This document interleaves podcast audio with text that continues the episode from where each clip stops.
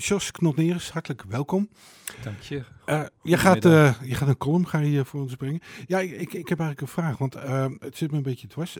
je hoort af en toe, ehm, heel veel mensen hebben het over spoken word artiesten. En ik heb een beetje het idee, als je modern wil zijn en woke wil zijn, dan noem je jezelf spoken word artiest.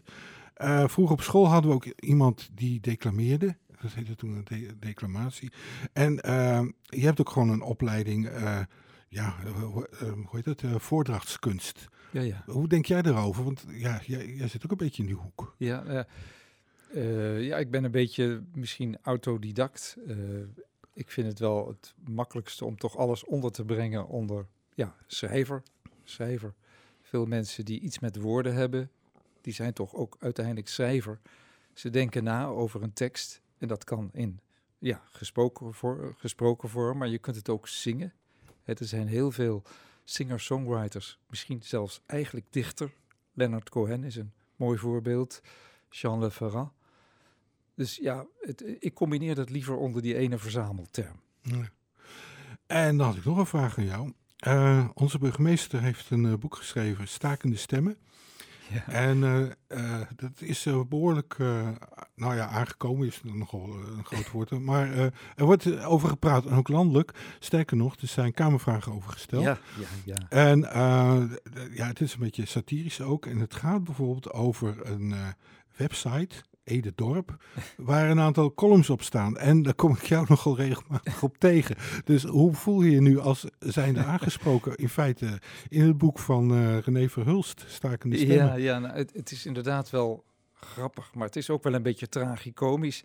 Hij noemt overigens de website Ede City, maar het, uh, ja, het, het is wel in Ede.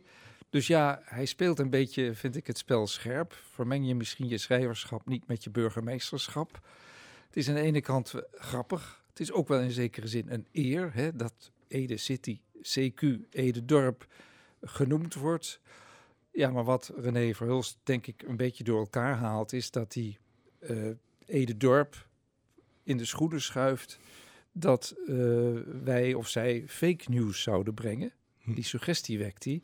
En dat is volgens mij niet het geval. Het zijn echt wel columns waarover nagedacht is, die een onderwerp op de agenda willen zetten.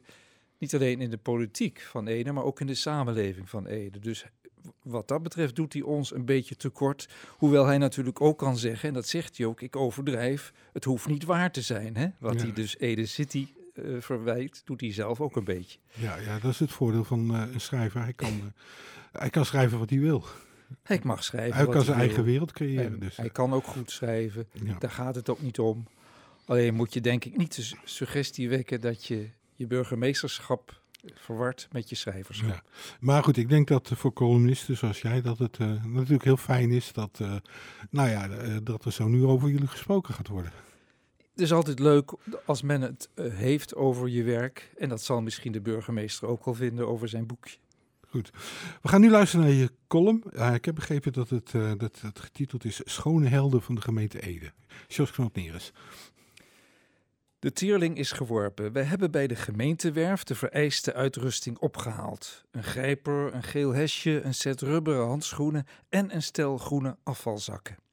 Vorig jaar ontstond het voornemen. Ik stopte met mijn bijbaan als postbezorger, maar daar moest wel iets anders fysieks voor in de plaats komen.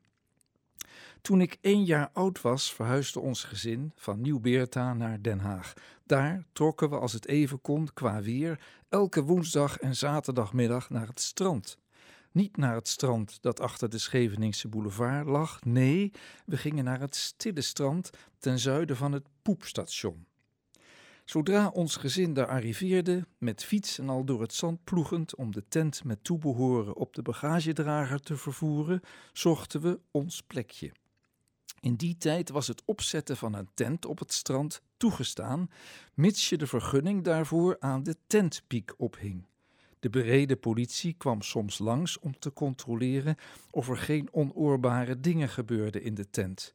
De agenten, meestal een man en een vrouw, bleven te paard zitten. Mijn moeder moest dan de tentvoorhang helemaal open houden, zodat de agenten al bukkend de gehele inhoud van de tent konden overzien. Ons plekje meestal door mijn oudste broers, die als verkenner vooruit werden gestuurd, afgepaald. Criteria die hierbij golden waren niet vlakbij een kuil waar toeristen huizen, niet binnen de vloedlijn, ver van de strandopgang, maar niet te dicht bij de volgende. Was de plek gemarkeerd, dan was het de beurt aan mijn moeder. Zij inspecteerde de plek voetje voor voetje en geconcentreerd voorovergebogen, op glas, olie en andere gevaarlijke of vieze voorwerpen. Stilzwijgend volgden de gezinsleden haar voorbeeld, totdat de hele plek schoon was. Hier is dus het idee ontstaan: de omgeving moet schoon zijn. Terug naar nu. Rotzooi in het plantsoen, troep op de stoep, flarden in de berm, glas op straat. Twee jaar geleden, terwijl de kliko's met oranje deksels aan de straat stonden, raasde een storm door Ede. Als je even blaast tegen die kliko's, liggen ze al om. Na de storm hing het plastic afval in de struiken en borders van groenstroken. Een troosteloze aanblik die nog vele maanden erna passanten droevig stemde. Het antwoord op de vraag welke fysieke bezigheid het moest gaan worden na mijn postbaan was dus snel gevonden: zwerfafval verzamelen, vooral plastic en blik. Dat spul verteert niet en is de pest voor het milieu. Dieren kunnen het binnenkrijgen. En uiteindelijk verwordt het plastic tot microdeeltjes die tot ver na de volgende ijstijd de wereldzeeën onveilig maken.